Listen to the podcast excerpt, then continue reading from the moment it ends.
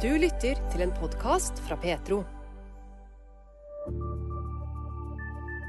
Vi må utvide rommet for hva det vil si å være gutt og jente. Barn må få leke med det de sjøl vil, uten at dette har noe med hva kjønn du er. Det sier Øyvind Benestad i stiftelsen Mor, far, barn. Og arbeidet til Det Norske Misjonsselskap drives i dag med relasjoner mellom mennesker, sier Helge Gaard, generalsekretær i Norges eldste misjonsorganisasjon. Og når du har opplevd verdien av Bibelen og Gudsordet, og du vet at mange ikke har det på sitt eget språk, så er det en motiverende faktor for meg å jobbe med dette. Det sier Gunnar Anders. Han bruker fritid til å samle inn penger for å trykke Bibelen på minoritetsspråk gjennom en liten organisasjon i vekst. Alt dette skal du få høre mer om i denne ukas Petro-uken oppsummert. I tillegg tar vi med oss ukens poptips fra Einar Helgås, og ukens refleksjoner, som denne veka har vært ved Karianne Vatland. Først denne uken. Stiftelsen Mor for barn sitt formål er å fremme saklig informasjon om kjønn, seksualitet og samliv med fokus på den klassiske familieforståelsen, der ekteskapet består av en mann og ei kvinne, og der barn har rett til å kjenne sine biologiske foreldre. Dette skriver de på sine nettsider. Vi ønsker å være en stemme i samfunnet som har fokus på dette temaet. Det sier Øyvind Benestad, leder av stiftelsen Mor, far, barn. Ja, Vi har eksistert i 16-17 år nå, og vi har som formål å forsvare både det bibelske synet på ekteskap og samliv og barns rett til mor og far. og det, disse tingene, Og så ønsker vi å være en alternativ røst ut i samfunnet, som jo blir ganske ensrettet etter hvert. Så vi kan samle våre tre tre stikkord i tre ord på B, nemlig biologi, og det er barn, og det er Bibel. Så de tre er det som preger, preger, vårt arbeid. Det er både biologien med at vi tror det er to kjønn, at Gud har skapt oss som mann og kvinne. Det er barneperspektivet framfor noe. Og at Bibelen har Guds, beskriver Guds design for hvordan eh, samliv og seksualitet skal leves ut, og hva som er også vår holdning som vi tar fra også Bibelen, nemlig at vi skal være tro mot sannheten i kjærlighet. Du nevnte det at dere skal forsvare. Hvem er dere ønsker å forsvare dere mot, og hvem ønsker dere å forsvare? Vi ønsker å forsvare ikke bare oss, men eh, kristenfolket som står på de bibelske, tradisjonelle verdiene om ekteskap og barns rett til mor og far osv. Vi ønsker å forsvare mot den oppløsningen og den dekonstrueringen av eh, betydningen av eh, mor-far-barn-relasjonen. Betydningen at eh, mor og far faktisk betyr noe i et barns liv. Det er ikke samme du bare setter inn andre personer i mors og fars sted. Hele det biologiske prinsipp. Og så ønsker vi å forsvare Guds skaperordninger. Sånn som det store flertallet av kristen verden forstår den fortsatt. Og der er det jo angrep uh, på mange, mange, nivåer nå. fordi det er både i skolebøker, til og med barn i barnehagen lærer at uh, du Ole, du kan velge om du vil bli jente når du blir større. Det er ikke sånn i alle barnehager, men i noen begynner å bli det. Og det er angrep på hele foreldreretten også, til å være foreldre til sine egne barn. Det er ikke statens barn eller barnehagens barn eller eh, sexologenes barn. Nei, det er våre barn. Men du sier du bruker ordet 'forsvare'. Må, må en bruke sånne ord når en snakker om dette her i dagens samfunn? Nei, en må ikke. Det er klart. Men, men, det veldig mange opplever, og det er ikke vi som har funnet det opp, men det som vi er helt enig i, det er jo at dette er en kultur og også en åndskamp over grunnleggende verdier i hele samfunnet, og ikke minst også i kristentro, eller skapertroen på at uh, Gud har skapt oss med en hensikt, og at uh, det er ikke bare å oppløse de ordningene. at Når barn nå lærer at kjønn er egentlig ikke avhengig av kroppen din, kjønn er bare avhengig av hva du føler i hodet og hjertet, uh, så er det på kollisjonskurs veldig sterkt med det som Bibelen forteller oss. Handelsstanden har jo eh, definert gutt-jente ifra vi blir født. Når vi selger ting til barn, så er det blått rosa. Det er leker som er tilpassa gutt-jente. Når, når, eh, du sier at dette er en ting som, som er blitt viktig for samfunnet vårt, at uh, kjønn Du kan være den du vil. Hvordan kan mm. en som uh, forelder forholde seg til, til dette her på en ja, edruelig måte? Nei, jeg synes jo Det du nevner der med butikker og handelsstanden og farger og gutteleker og jenteleker, sånn, det er jo noe vi bør være ganske skeptiske til. Fordi vi må tvert imot utvide rommet for hva det vil si å være gutt og hva det vil si å være jente. Nå er det jo sånn at Hvis en jente da liker å leke med biler eller liker å skyte luftgevær, kanskje du er født i feil kropp, kanskje du er gutt. Og Det er helt absurd, egentlig. Og vi må som kristne, for det er en veldig allmenn sak at vi må utvide rommet for hva det vil si å være gutt jente. Så Der må vi kristne bare gå foran. Men i fall så er jo samfunnet litt sånn schizofrent på akkurat der. Som greier ikke Han har to, tre og fire tanker samtidig som krasjer, egentlig. Men så er det en, tanke og en ideologi som nå har overtaket. Og det er jo ikke tvil om når du ser på hva som vil skje nå i ukene framover i pride. Uh, opptog og i pride på alle arenaer, i alle kanaler. Hvor bedrifter og banker og hoteller og hvem som helst begynner å bruke de fargene som symboliserer seksuelt mangfold. Det er det det står for, mens det liksom omdefineres hos noen. Ja, men det er mangfold, det er inkludering av alle. Det er ikke seksuelt mangfold. Men det er feil i forhold til det som er betydningen av det der pride-flagget. Men det er, det er, mange nivåer og det er mange forskjellige arenaer som det, det kolliderer. Både for kristne og for mange andre. Jeg har selv snakket med ateister også, som sier at det er forferdelig det som skjer nå i skolen, hvor barn blir påført kjønnsforvirring. Altså Man sår inn kjønnsforvirring fra de er bitte små. Og det er jo verken til barns beste, eller til families beste, eller samfunnets beste. Det sa Øyvind Benestad, som er leder for stiftelsen Mor, far, barn, som ble etablert i januar 2005. Formålet til stiftelsen er å fremme saklig informasjon om kjønn, seksualitet og samliv. Engasjementet det kan Øyvind Benestad spore tilbake til 1970-tallet, da han ble bevisst på å følge Jesus. Ja, det kommer helt fra jeg var ung, tror jeg. At jeg har jo vært en bevisst kristen ganske lenge. Og i Jesusvekkelsens tid, da jeg var ung på 70-tallet, så, så, ble jeg veldig bevisst på det at det å følge Jesus, det har med hele livet å gjøre. Og det har også med det som dreier seg om seksualitet og familie, og ekteskap og barn og foreldreskap. Så det har liksom fulgt meg. Og så har jeg vært aktiv som studentprest i 20 år. og også prøvd å formidle til uh, kristne studenter at uh, disippelskap, det følger Jesus. Det handler også om denne delen av livet. Så har det bare utviklet seg, lagt seg til rette og fått et kall også helt konkret uh, for en del år siden. At dette skal jeg jobbe videre med. Så, altså kall fra Herren, som jeg selv opplevde veldig sterkt. Og så er det det som driver meg fortsatt, og som gjør at jeg opplever stor motivasjon, det er jo både kallet, men også forbønn og interesse og takk fra, fra veldig mange mennesker. Dette temaet som vi snakker om nå, eh, det er jo mye følelser som, som, ligger i bildet her òg. Hvordan kan jeg mm. snakke om dette her, og, og allikevel ta, ta, hensyn til følelsene til både de som er enig med deg, men òg til de som er uenig med deg? Nei, Jeg tror det er veldig viktig å lytte og være ydmyk og vite at hvert menneske har sin historie. Samtidig som også hvert menneske er høyt elsket av Gud. og Vi må ikke se på noen som fiender eller som noen som vi skal bekjempe. Eh, vi deltar i en åndskamp, eh, det er, som jeg sa allerede, men det betyr ikke at mennesker er våre fiender. Det er sånn som Paulus sier, vi kjemper ikke mot kjøtt og blod, ikke mot mennesker, men mot åndsmakter og krefter. Og Det er det det dreier seg om, å skille veldig mellom sak og person. Så ingen som er mine meningsmotstandere, eh, anser jeg som fiender. Nei, de er meningsmotstandere. Og det tror jeg er veldig viktig også, ikke på dette feltet bare, men generelt som kristne. Så må vi ikke skape fiendebilder. Så det har med det å lytte, det å prate, ha dialog også i nære relasjoner hvis det er folk som er uenige med oss. Og holde fram dette med ekte toleranse. Vi kan, kan ha respekt for hverandre og forsvare retten til å være uenige, samtidig som vi kan være venner. Og Det kan gjelde naboer og det kan gjelde kolleger. Men det som er litt trist nå for tiden, er jo at toleransen liksom bare skal gå én vei, hvor vi skal tolerere. Men de har lov til å fordømme oss hvis vi er uenige med den ideologien de, de forfekter. Så det er, eh, ja, det er krevende. Og jeg sier ikke at det er enkelt i det hele tatt. Men uh, vi må være villige til å stå for sannheten, men i kjærlighet, i vennlighet, i respekt når du sier det som du sier nå, eh, så, så, får du jo av og til kanskje dette spørsmålet i familier. Eh, du får det kanskje i mm. menigheten. Hvordan kan en eh, der snakke med respekt og lytte og, og respektere hverandre?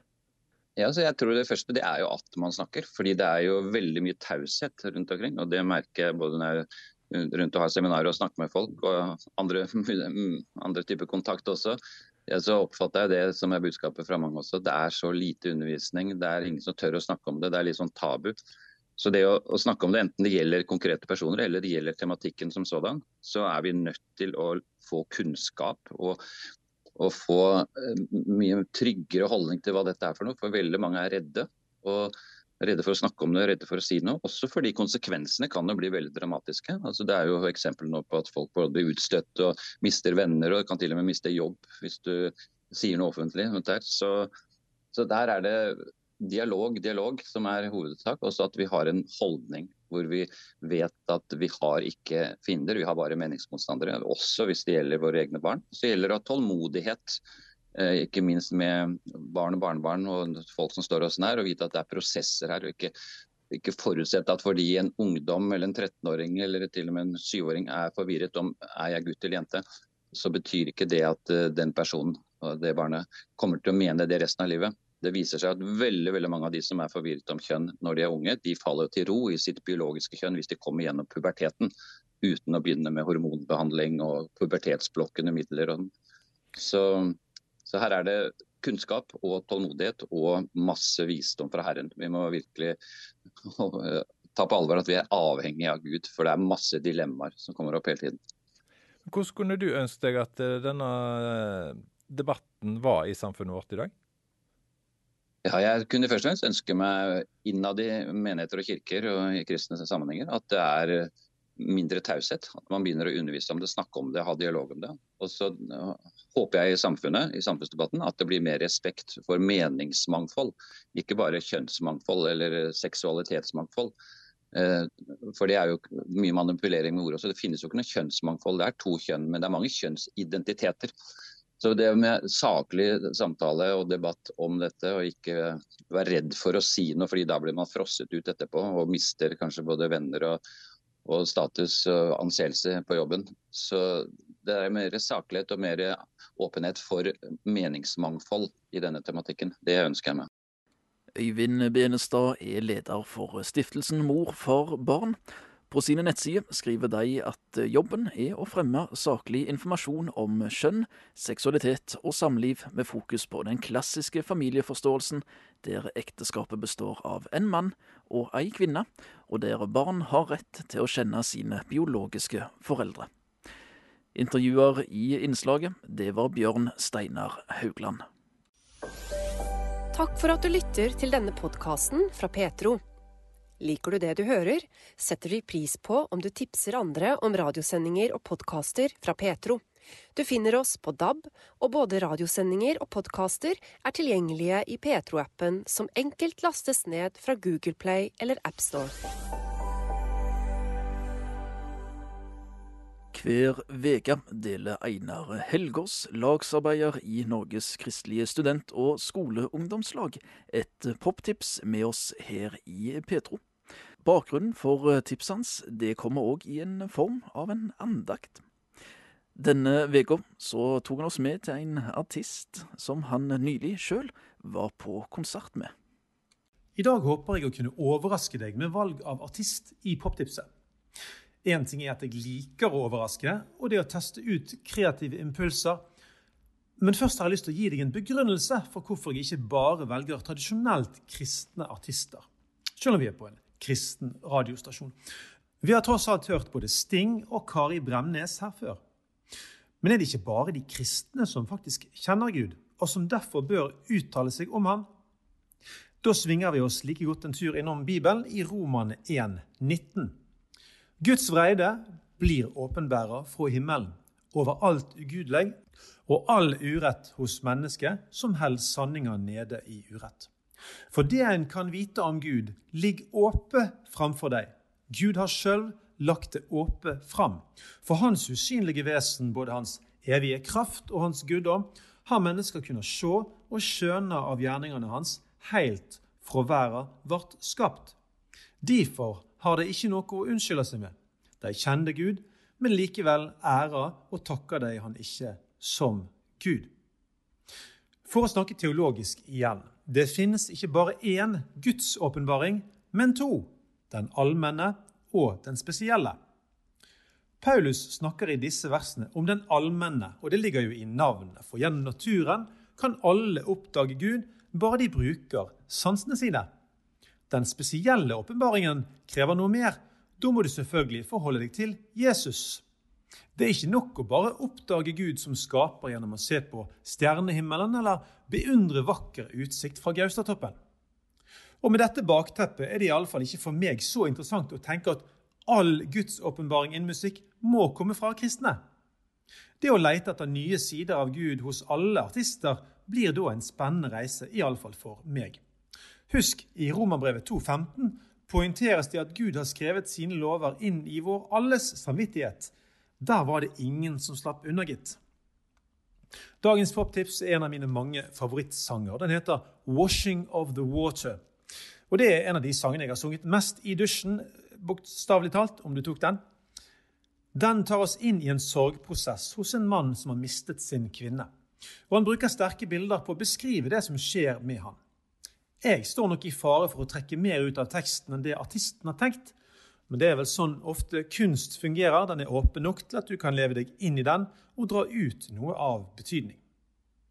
For selveste Peter Gabriel, som står bak, ønsker at den levende elven som han synger om, skal bære han vekk til et trygt sted. Men det er jo ingen som er bedre på det enn Gud. Han er tross alt vårt hjem, dypest sett. Han kan bære oss i trygghet når vi kjenner vi står på utrygg grunn. Men Peter, som vi kan identifisere oss i, trodde han skulle klare livet sjøl, aleine. Men når det går dårlig i den nære relasjonen, føler han at han synker ned i elva. Han ber om at noe må snu han rundt. Og Denne lengselen kan både du og jeg kjenne ofte på når vi mister kontrollen, når vi feiler, når vi har såret noen, når en relasjon preges av kluss og krangel. Det er en tid for å gå på kne og be om at Gud skal komme inn. Bare hør Gabriel i bildet om vannet. In the washing of the water, would you take it all away? Bring me something to take this pain away. Altså, mens vannet vasker regn, vil du ta det vekk. Kom meg til hjelp med noe som kan fjerne smerten min. I dette ligger det en voldsom hjelp etter hjelp og smertelindring. Om at noe som er større enn han sjøl, noe som er klokere, noe som er mer fylt av kjærlighet, skal gripe inn i nøden. Han ber om at elven skal løfte og bære han. Når alt kommer til alt, er det jo bare Gud som har denne kraften, denne store, varme, trygge kjærligheten som virkelig kan komme oss til hjelp. I så måte fungerer bildet om det vaskende vannet som et slags dåpsbilde. Jo, for den kristne dåpen vasker oss jo nettopp rein og frelser oss. Den redder oss ut av en håpløs situasjon. Og der er Mr. Gabriel som en representant for oss alle i denne vakre sangen. Jo, for når han synger om at han sjøl vil ta ut de vonde krokene som har festet seg i huden sin, da glemmer han å involvere Gud. På fredag var jeg og en kamerat på konsert med denne levende legenden, nå 73 år gamle Peter Gabriel. Vi var 10 000 mennesker på Koengen i Bergen som fikk en festreise gjennom så mange fantastiske sanger. Og et visuelt sceneshow så spektakulært at jeg knapt tror jeg noen gang kommer til å oppleve noe bedre, iallfall her på jorda. Til en av hans nyeste sanger snakket Gabriel om hvordan alt er bundet sammen på en måte som skapte klare panteistiske vibber. Altså at det upersonlige guddommelige strømmer gjennom alt. Og Han har tidligere sagt at når han tenker på Gud, da blir han buddhist. Men når han har det vanskelig, da blir han kristen. For oss som tror på en levende Gud og har erfart alt fra bønnesvar til helbredelser Guds nærhet på ulike vis gjennom Bibelen og i våre hjerter, så er jo ikke det vanskelig å forstå. Gud er jo en gud for virkelige mennesker som han har skapt, og som han elsker, og faktisk bryr seg om. Så fortsett med det, Peter. Så skulle jeg gjerne hatt en apologetisk samtale med han en annen gang. Peter Gabriel fikk, etter at han forlot suksessen Genesis, en stor solokarriere. Og hvem husker ikke megahiten Sledgehammer? Ingen musikkvideo er sett mer noen gang, faktisk. Og platen So fra 1986 solgte hele syv millioner. Han kombinerer sterke tekster og fengende melodier med nytenkende arrangementer i kobling med ny teknologi og en svært kunstnerisk innpakning visuelt. Han har vunnet seks Grammy-priser, og jeg kunne fortsatt. Sangen vi skal høre ganske snart her, er fra platen Us, som kom da jeg gikk på videregående på 90-tallet. Og dette var så bra stoff at det hørte jeg mye, men jeg har ikke klart å gi slipp på det siden. Jeg håper at du vil like det, så ta del i lengselen etter lys og trøst når livet er vanskelig. Men la Gud være den som får rense deg og hjelpe deg mens du hører 'Washing of the Water'. Peter Gabriel med 'Washing of the Water' var denne ukas poptips fra Einar Helgås, som til daglig er lagsarbeider i Norges kristelige student- og skoleungdomslag. Denne og flere tidligere poptips fra Einar Helgros kan du finne dersom du søker etter Einars poptips på Spotify. Petro har mange ulike podkaster og serier. Samlivsskolen gir råd og tips til par. I Pastoren og Journalisten prøver vi å finne ut hvorfor mange unge forlater menigheten i overgangen til voksenlivet. Og i Petro-gjesten får du høre livs- og troshistorien til en lang rekke spennende mennesker. Ekte og ærlig. Du finner alt i Petro-appen, på petro.no, eller der du ellers lytter til podkaster.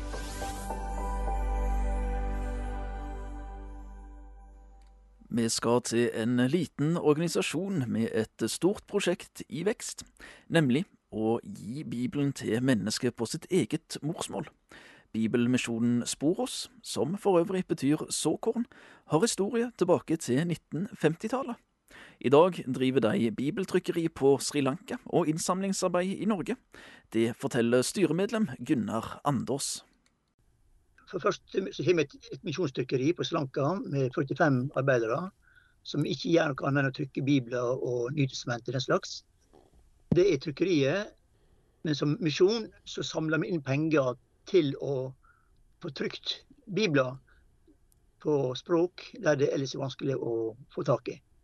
Det, kan være i u-land, det kan være i Kina var veldig aktuelt tidligere, det var i Midtøsten og andre plasser. Tidligere gikk de under navnet Litteraturmisjonen, men i 2020 ble navnet endra til Bibelmisjonen Sporos, som altså betyr såkorn og peker på Bibelen eller Guds ord som såkornet. Den vesle organisasjonen har spesialisert seg på trykking av bibler på minoritetsspråk. Ja, vi kom i kontakt med noen som jobber med bibelomsetting. Og eh, da tente vi egentlig på, på det. Og de eh, vi forsto at de både hadde behov for en plass å trykke det, og de hadde bruk for finansiering av den trykkinga. Så eh, bestemte vi oss for at dette her er noe som er interessant. Som, sammen med andre organisasjoner så lovde vi å ta på oss å samle inn penger også til trykkinga av disse minoritetsspråkene som er oversette. Vi har trykt tidligere også, men i hovedsak og i stor grad så uh, det dette en eksplosiv vekst fra 2017 og så utover. Jaha, fortell litt om den veksten. Eh, hvor mange språk i året snakker vi om her, f.eks.? Ja, det har vært det var nesten eksplosivt. Altså I 2017 så hadde vi, hadde vi to språk. Året etterpå så var det fem, og så var det sju, og så var det elleve, så var det 24, og så var det 18. Og i år så snakker vi om 40 språk som vi skaffer penger til for å trykke. Det er da Nytestamentet på språk som aldri tidligere har hatt Guds ord. Bibelmisjonen Sporos sitt innsamlingsarbeid blir i all hovedsak drevet av frivillighet. De har en daglig leder i 20 stilling, ellers er det frivillige medarbeidere. Men på bibeltrykkeriet deres, New Life Literature på Sri Lanka, har de 45 lønna ansatte. Ved hjelp av innsamla midler kjøper de så tjenester fra trykkeriet, forteller Gunnar Andås. Ja, der har vi ca. 45 arbeidere i fulltidsarbeid. Ja. Så, så trykkeriet der samler ikke mye penger til. De, de skriver regning til oss på alt de gjør for oss. Riktig. Og, og, og sånn, det er veldig rene linjer der. Men, men vi samler penger for å kunne ha råd til å kjøpe trykksaker, kjøpe Nytestamentet fra trykkeriet. Dere tar dere av trykkebiten her, altså? Ja, vi får det, datafilene tilsendt. Trykker det, binder det og sender det tilbake igjen. gratis. Det er ikke gratis arbeid, men de får det gratis. Du, eh, Hva land og områder i verden jobber dere inn mot eh, når det gjelder disse minoritetsspråkene? Så vi har det vært hovedsakelig i, i Asia, India og vi har i åra som kommer, f.eks. Vietnam og Burma og land også. Nepal. Vi har også mye i Afrika. Etiopia osv. Så, så, så Så det er flere land det er snakk om. Men de, åra som var nå, så, så var det hovedsakelig India. Selv om vi har mellom ca. 15 språk også til Etiopia, f.eks. Og så nylig òg fikk dere trykt bibler til eh, Ukraina? Ja, men det kan ikke vi kalle for, kan kalle for et minoritetsspråk. da. Men det var pga. at vi så at det der, der må det være et, et, behov. Kan vi gjøre noe? Så tenkte vi OK, vi, vi kan jeg få gi deg Guds ord. Så vi samla inn penger til, til trykking av Nytestamentet med salmene til Ukraina. Så vi fikk trykt Eh, to containere, 115 000 nytestamenter, som er sendt til Ukraina.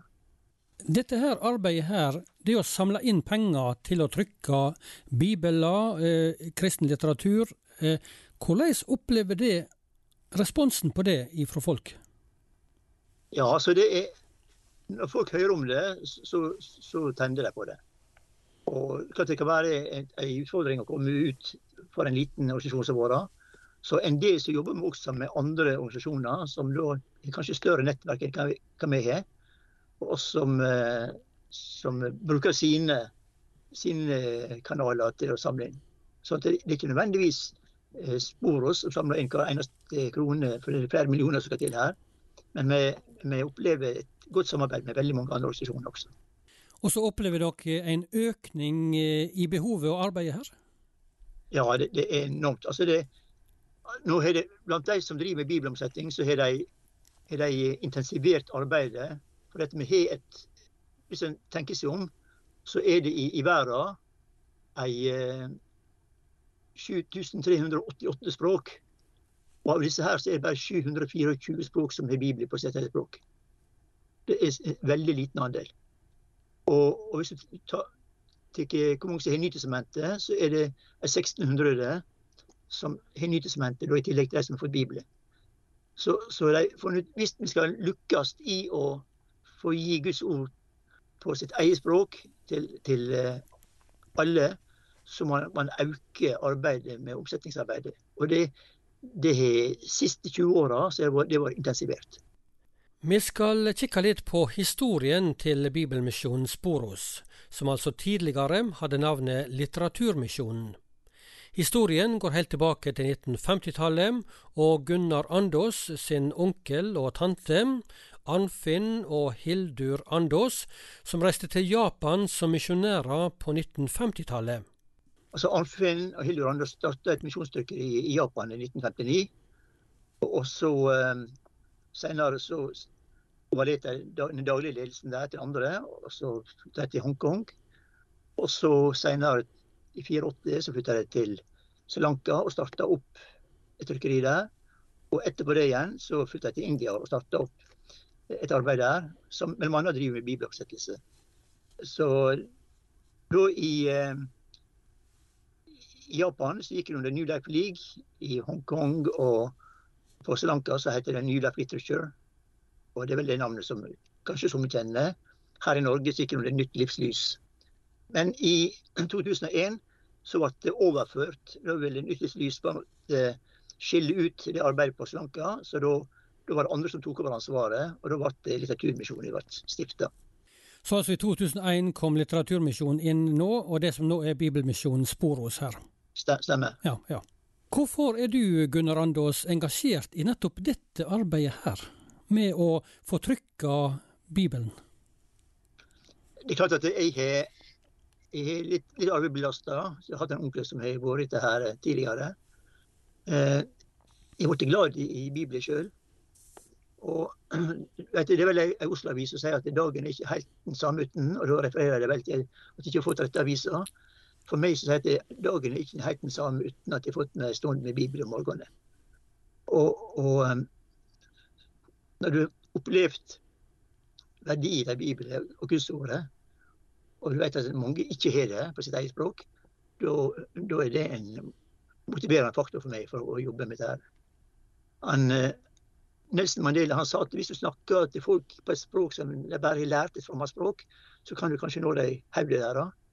Men hvis du ønsker å nå hjertet deres, så må du, må du snakke på morsmålet deres. Det sa Gunnar Anders, styremedlem i Bibelmisjonen Sporås. Reporter i innslaget, det var Inge Kallestad. Takk for at du lytter til denne podkasten fra Petro. Liker du det du hører, setter vi pris på om du tipser andre om radiosendinger og podkaster fra Petro. Du finner oss på DAB, og både radiosendinger og podkaster er tilgjengelige i Petro-appen, som enkelt lastes ned fra Google Play eller AppStore. Det norske misjonsselskap, eller forkorta NMS, er Norges eldste misjonsorganisasjon, starta tilbake i 1842. Og de sendte sin første misjonær til Zululand, nå Sør-Afrika, året etter. Helge Gahr er generalsekretær for NMS, og han er stolt av den nå 181 år gamle historien til Det norske misjonsselskap. Vi er stolt av historien. I 1842 var, var tredje forsøket på Stortinget å ta vekk konventikkplakaten, og i 1842 røyk han. Og umiddelbart så kom lekfolk og prester sammen og stifta NMS, der de hadde fått en frihet. Og en del av det er jo òg at det var kongens kirke. Kongen kunne ikke drive eh, misjon. Det ble utenrikspolitikk. Og dermed så tok folk det i sine hender og ville bidra til å gjøre kjent det en selv, gi videre det en selv hadde fått. Eh, så det første året så var rett og slett eh, oppdrag å sende ut misjonærer. Lønne sende misjonærer. Så i mange år så heter vi på engelsk The Norwegian Missionary Society. Eh, og noen av våre folk har fortsatt å si det når de kommer til utlandet, men vi har endra det engelske navnet til Norwegian Mission Society, altså som samsvarer bedre med Det norske misjonsselskap. Men eh, arbeidet i dag, hvordan uh, vil du beskrive det? Hvis vi tenker på det internasjonale, så, så, så drives det med å bygge relasjoner. Og mye relasjoner er bygd fra før. Eh, men vi sender fortsatt noen misjonærer og har en jevn kontakt på det personlige planet. Og så har vi prosjekter. Eh, det som kjennetegner NMS, er nok at vi jobber sammen med og gjennom lokale kirker. I, i, i noen tilfeller organisasjoner som Z7 i Midtøsten, der er det vanskelig å ha lokale kirker, men der er mediesak som du nå er involvert i, og Petro sin lyttere lytter til, så, så når en eh, masse innbyggere i Midtøsten eh, gjennom Z7 sitt arbeid, både der de òg har, har bilde og, og satellitt-TV. Så vi har sånne organisasjoner, og, og, og, vi arbeider der det er funksjonelt, holdt jeg på å si, på den måten vi når fram. Og så er det gave fra engasjerte personer rundt omkring i Norge som er driftsgrunnlaget deres. Altså det er gave som kommer inn på før tenkte jeg jo basarer, men, men, nå er det jo mye fast givertjeneste. Trekke rett ifra konto, som er driftsgrunnlaget deres. I en tid med økonomisk utfordrende tid, hvordan påvirker det deres eh, økonomi? Jo, vi, vi, vi, merker det, men vi er jo takknemlige til norske stat, som gjennom korona òg inviterte misjonsorganisasjonene inn i støtteordninger. Eh, som gjorde at når gjenbruksbutikkene måtte stenge, så fikk vi lov å søke om på samme vilkår som andre som støtte for manglende salg. Eh, vi fikk ikke søke om støtte Vi kunne òg søke støtte i forhold til basarer som ble avlyst pga. Av korona. Men, eh, og givertjenesten gikk sin vei. Men, men, det er klart vi ble påvirka i dette, og vi skar ned der vi kunne. Og, og, vi har på en måte rigget oss nå for den situasjonen som er. Men våre budsjetter er litt på vei opp igjen, selv om selv om vi har telefoner nå der folk beklager og sier at det blir tøffe tider, strømmen er dyre og maten er dyr, så noen ringer og ber om å få ta ned uh, størrelse på givertjenesten. Og det er klart det, det, er de som eier pengene. Så vi sier ja og registrerer og gjør det. Og samtidig så er det andre som øker sin givertjeneste, sånn at at uh, det sammen med at nå begynner kirkeofringer å ta seg opp, basarer kommer i funksjon, uh, og ikke minst gjenbruksbutikker. Om det er pga. dårlige tider de selger så godt, vet jeg ikke, men de selger mye mer enn tidligere. Og, og det gir jo en pluss i inntektene. 1842 så uh, hørte vi at det, organisasjonen du er leder for, ble oppretta. I dag, uh, 2023, hva trenger folk i Norge fra Det norske misjonsselskap? Vi, vi, trenger masse impulser fra den store verden. Vi, vi, vi, tar liksom for gitt at i Norge er det sånn at oppmøte til gudstjenester, kirker og møter, det minker. Vi lever litt, som, litt med, med å håpe på det skulle bli sånn som før. men ute i verden, i noen land, så, så vokser det som aldri før. Og, og, det er klart, du skal ikke gå så veldig mange tiår tilbake, så var 80% av kristenheten i Europa og Vesten. 20% i Afrika og Asia, og i dag er det motsatt. Eh, sånn at det er mye ute i verden å glede seg over. og Noe av det tror jeg kan være til inspirasjon og energi for oss. Så, vi opplever at det arbeidet vi med og bidrar og støtter ut rundt omkring i verden, kan være med å gi oss impulser til ny innsats òg lokalt. Det sa Helge Gahr, generalsekretær i Det norske misjonsselskap. Torsdag 29.6 inviterer de til sommerfest og generalforsamling i Stjørdal i Trøndelag. Per nå er det påmeldt over 600. Fremdeles er det mulig å melde seg på, og de håper at over 800 vil være med på sommerfesten, som varer fram til søndag 2. juli. Lørdag 1. juli, da skal han på torget i Stjørdal markere at det nå er 100 år siden de starta arbeid i Kamerun. Den første kvinnelige eh, kirkelederen, altså i kirkestyret i Kamerun, eh, kommer og representerer den kamerunske kirka, og vi skal invitere henne og intervjue henne noe på torget da, noen minutter. Hvordan ser 100-årshistorien eh, ut for Det norske misjonsselskap sitt arbeid i Kamerun? Ja, jeg, jeg, vil tro at de som begynte, vil være veldig glad i dag. og, og Motto for generalforsamling er jo med glede. Vi skal glede oss over alle disse tingene her. Uh, og, og der er kirker, det er livskraftige kirker på 400 600 000, alt etter hvordan du teller, uh, uh, i, i, nordre del av Kamerun der. Og vi hjelper dem med å utdanne lokale prester. Vi har få misjonærer, vi har én misjonær der i øyeblikket. Men, men arbeid drives av dem sjøl, og vi prøver å Altså når vi kom på besøk etter covid, så sto biskopen i Kamerun og sa Will you still walk with us? Vil, gå, vil dere fortsatt gå med oss? Uh, så det å stå i dette fellesskapet er noe givende både for deg og for oss. og det, vi, vi kom til å reise ut med flere grupper i oktober for å være med og feire dette. I Stjørdal, for alle som er i området der, så har en mulighet til å være med på sommerfesten som dere inviterer på. Hva er det dere inviterer til på denne sommerfesten? Vi har en formell del der vi skal ha forhandlinger og valg av eh, landsstyreleder, landsstyre og valgkomité og disse praktiske ting. Og så skal vi rett og slett òg vedta en eh, strategi for de neste seks åra. Den kan bli endret om tre år, men eh, vi har lagd en, en, en strategi på to sider. Luftige sider, så det skal være lett å ta til seg med de store linjene. Så kommer det til å bli masse handlingsplaner ut fra dette. Men, men dette blir en drøfting. Hva er veien videre? Hva ønsker vi? Og vi, vi, vi tror dette er et viktig tak vi går videre. for men før så ble du markert med at du startet et nytt felt, et nytt land, slutta av et annet, og så gikk du videre. Vi er jo der nå med litt retro. Vi har gjenopptatt forhold til Sør-Afrika. Vi har gjenopptatt eh, relasjon til Taiwan. Eh, for et vennskap og relasjon, det avvikler du ikke. Så men det kommer ikke til å komme nye misjonærer antageligvis, mer gjesteopptreden. Men, men, vi bygger relasjoner og nettverk rundt omkring i verden og, og, går videre på den måten, og ikke bare med landfokus. Betyr det at de som kommer på eh, sommerfesten og generalforsamlingen, er mennesker som er godt engasjert i Det norske misjonsselskap?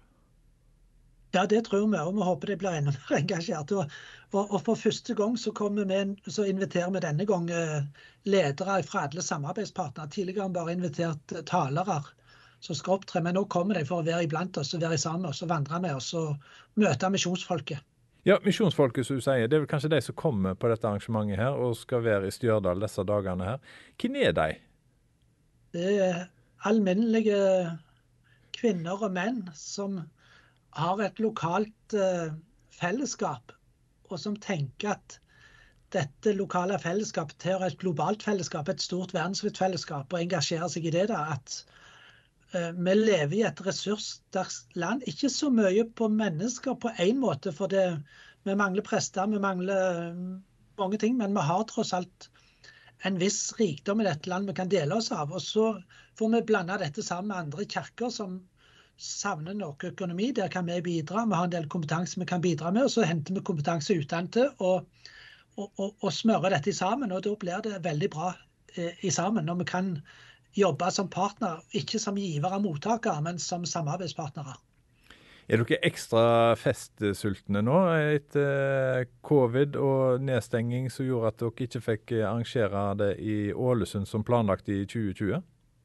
Det er vi. Og når trønderne først inviterer, så blir det med raushet og glede og masse stas. Eh, sånn at vi, vi gleder oss, og vi, vi hører at arrangementskomiteen de, de fryder seg. Og Du som leder av Det norske misjonsselskap, du er generalsekretær. Hva, hva forventning har du til disse dagene i Stjørdal nå i slutten av måneden? Ja, jeg, jeg, jeg, håper at det kan gi uh, at det kan gi resultater utover selve samlingen. At vi reiser inspirerte tilbake. Og om folk har lyst til å komme på dagsamlinger og finne ut at denne dagen er interessant, for her er det talere fra Mekane Jesus og fra Thailand og fra rundt omkring i verden som kommer på kveldsmøter. Og så skal vi avslutte i Nidarosdomen, som jo er en åpen gudstjeneste med, med preses Olaf Fykse Tveit sammen med oss. Det sa Helge Gahr, generalsekretær i Det norske misjonsselskap, forkorta NMS. Fra torsdag 29. juni til søndag 2. juli inviterer de til sommerfest og generalforsamling i Stjørdal i Trøndelag. Du kan lese mer om sommerfesten til NMS på deres nettside nms.no. Intervjuer i innslaget, det var Bjørn Steinar Haugland. Takk for at du lytter til denne podkasten fra Petro. Liker du det du hører, setter vi pris på om du tipser andre om radiosendinger og podkaster fra Petro. Du finner oss på DAB, og både radiosendinger og podkaster er tilgjengelige i Petro-appen, som enkelt lastes ned fra Google Play eller AppStore. Hver uke får vi i Petro hjelp av en person til å dele noen tanker vedkommende har gjort seg rundt kommende søndagstekst i kirkeåret. Denne uka er det Karianne Vatland som har delt tanker om søndagsteksten som vi finner i Matteus evangeliet kapittel 3, versene 11 og 12, som er noen ord fra døperen Johannes. Har du sett en stylteløper? Nå er det sikkert noen få sjeler der ute som spisser ørene. Hvis du er en fugleelsker, så vet du at en stylteløyper er en fugl som sjelden blir observert i Norge. Men i april i år ble han observerte på Orre på Jæren, og folk kom reisende fra fjern og nær for å se han. Helt ifra Østlandet kom de med kikkertene sine for å se vidunderet. For oss vanlige folk så høres det litt spesielt ut å reise så langt for å stå i kuling og åtte grader i håp om å se en fugl. Men for noen er det visst verdt turen. Særlig hvis de kan få se en sjeldenhet som ikke har blitt sett i Norge på 13 år. En dag sto det fram en sjeldenhet i ødemarka i Judea en mann i en kappe av kamelhår. En som knaska på grashopper og utvilsomt var rusjen på håret. Johannes heter han, og folk kom i hopetall. Ja, til og med eliten kom fra Jerusalem for å se og høre hva Johannes hadde å si. Det var 400 år siden det hadde stått fram noen i Israel med et budskap som ligna på hans et budskap fra Gud. Og folk lengta etter å høre ordet. De lengta etter et tegn på at Gud ikke hadde glemt dem. Og Gud hadde ikke glemt. Han sendte Johannes for å rydde vei og peke på en som skulle komme og forandre verdenshistorien. Gud har ikke glemt deg. Hvis det er lenge siden du har hørt fra Gud, så vil jeg oppfordre deg til å grabbe kikkerten og bli med på ei reise i Matteusevangeliet kapittel 3. Var med ut i ødemarka og prøv å få øye på han som Johannes peker på. Det er iallfall verdt turen.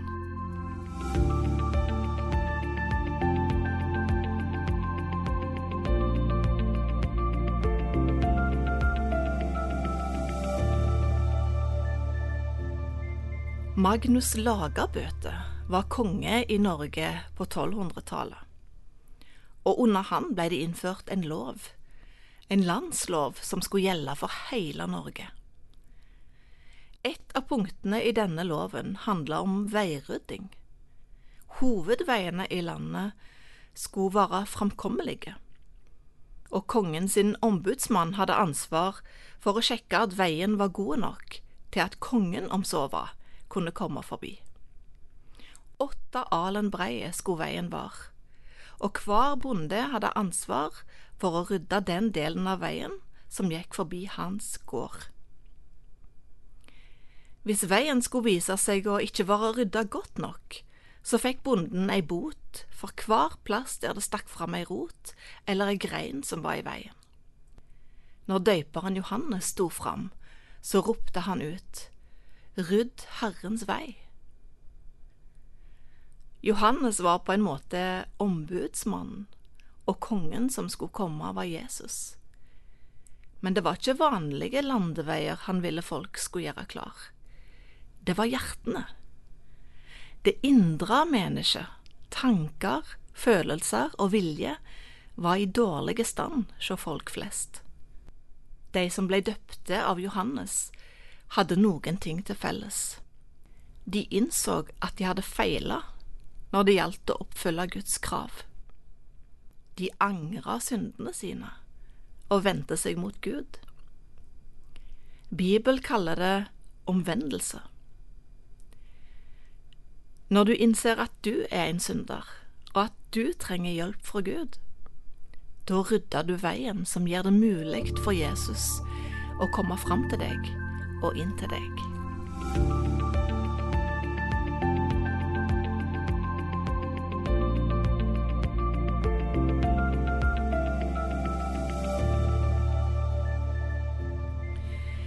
Jeg er glad jeg ikke er dommer. Det må være en vanskelig jobb, enten det er på fotballbanen eller i en domstol. For hvordan skal en klare å dømme rettferdig i alle saker? Så du egentlig nøyaktig hva som skjedde? Og hvordan kan du vite helt sikkert om den tiltalte forteller sannheten? Ære være de som tar på seg en sånn jobb. De er nesten dømte til å få seg fiender, for det er så mange meninger om hva som er en rettferdig dom. Allikevel så mener nok det store flertallet at vi trenger dommere for å få et så rettferdig samfunn som mulig. Når Johannes skal beskrive den endelige dommen i Matteus kapittel 3, så bruker han et bilde som var velkjent for de som hørte på. innhausting av koden. Når de hadde skilt koddene fra halmen, så ble koddene liggende igjen på treskeplassen, i lag med små blader som vi kaller agner, og annet rusk og støv. Så tok de en slags spa og kasta koddene og rusket opp i lufta. Koddene datt ned igjen, og rusket ble tatt av vinden og var vekke. Koddene ble samla i låven. Det var mange som ikke tålte å høre dette budskapet. Hvem er koddene, og hvem er agnene? Og hvordan kan Gud frelse noen og forkaste andre?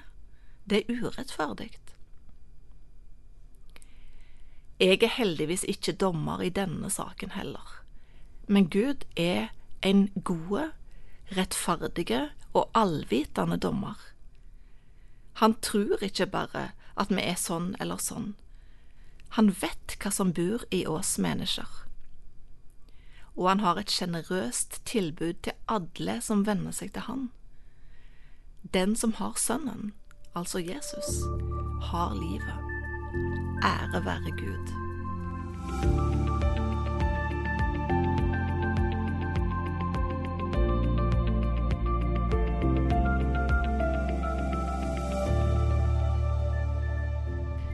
Når vi var på rundtur i England for noen år siden, så hadde vi stor nytte og glede av ei dame som vi kalte Bessie. Egentlig så var Bessie bare stemmen på GPS-en vår, men vi syntes hun fortjente et navn. Vi var avhengige av veibeskrivelsene hennes for å komme oss fram der vi skulle. Så vi kjørte av gårde og prøvde å lye så godt vi kunne. Men av og til så skar det seg litt mellom familien Vatland og Bessie. Vi syntes hun ble voldsomt masete, og vi var usikre på om alle kommandoene hennes kunne stemme. Når vi hadde ignorert stemmen hennes ei stund, utbrøt hun en dag Make a U-turn immediately.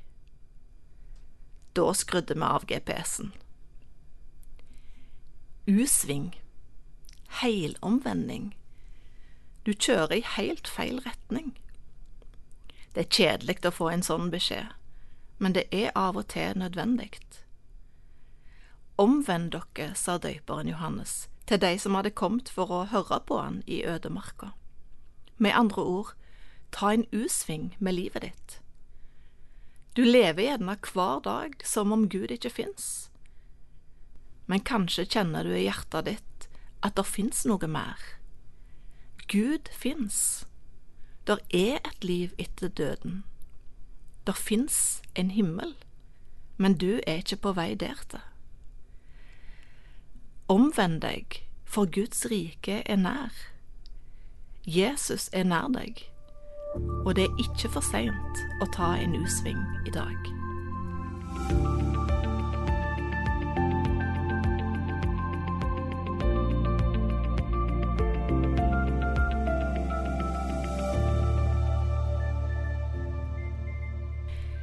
Jeg måtte trekke på smilebåndet når jeg hørte om J. Upton Dixon.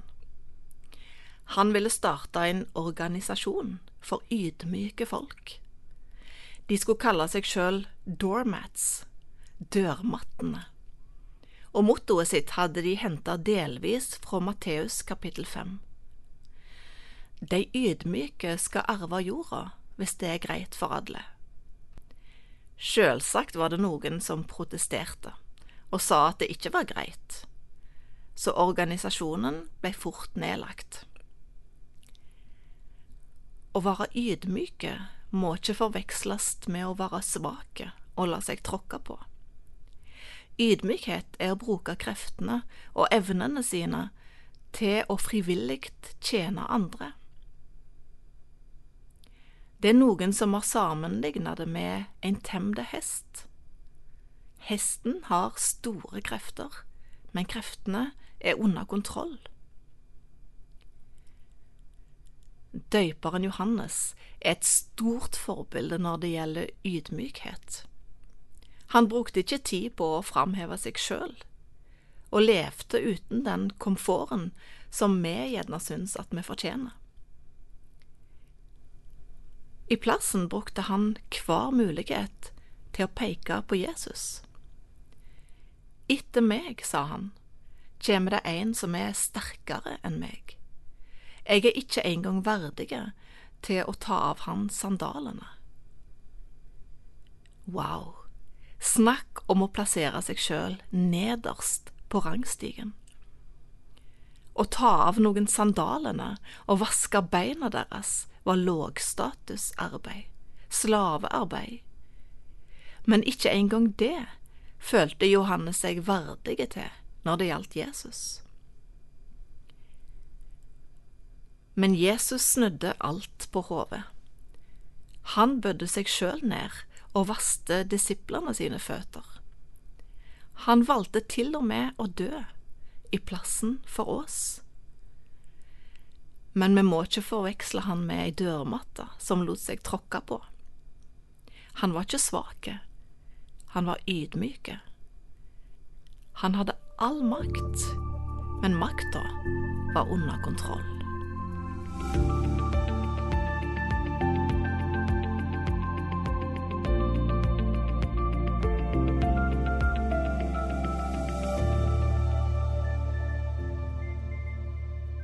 Det var Karianne Vatland som delte tanker med oss i serien Refleksjon, med utgangspunkt i søndagens tekst i kirkeåret, som denne søndagen er henta fra Matteusevangeliet kapittel 3 og vers 11 og 12.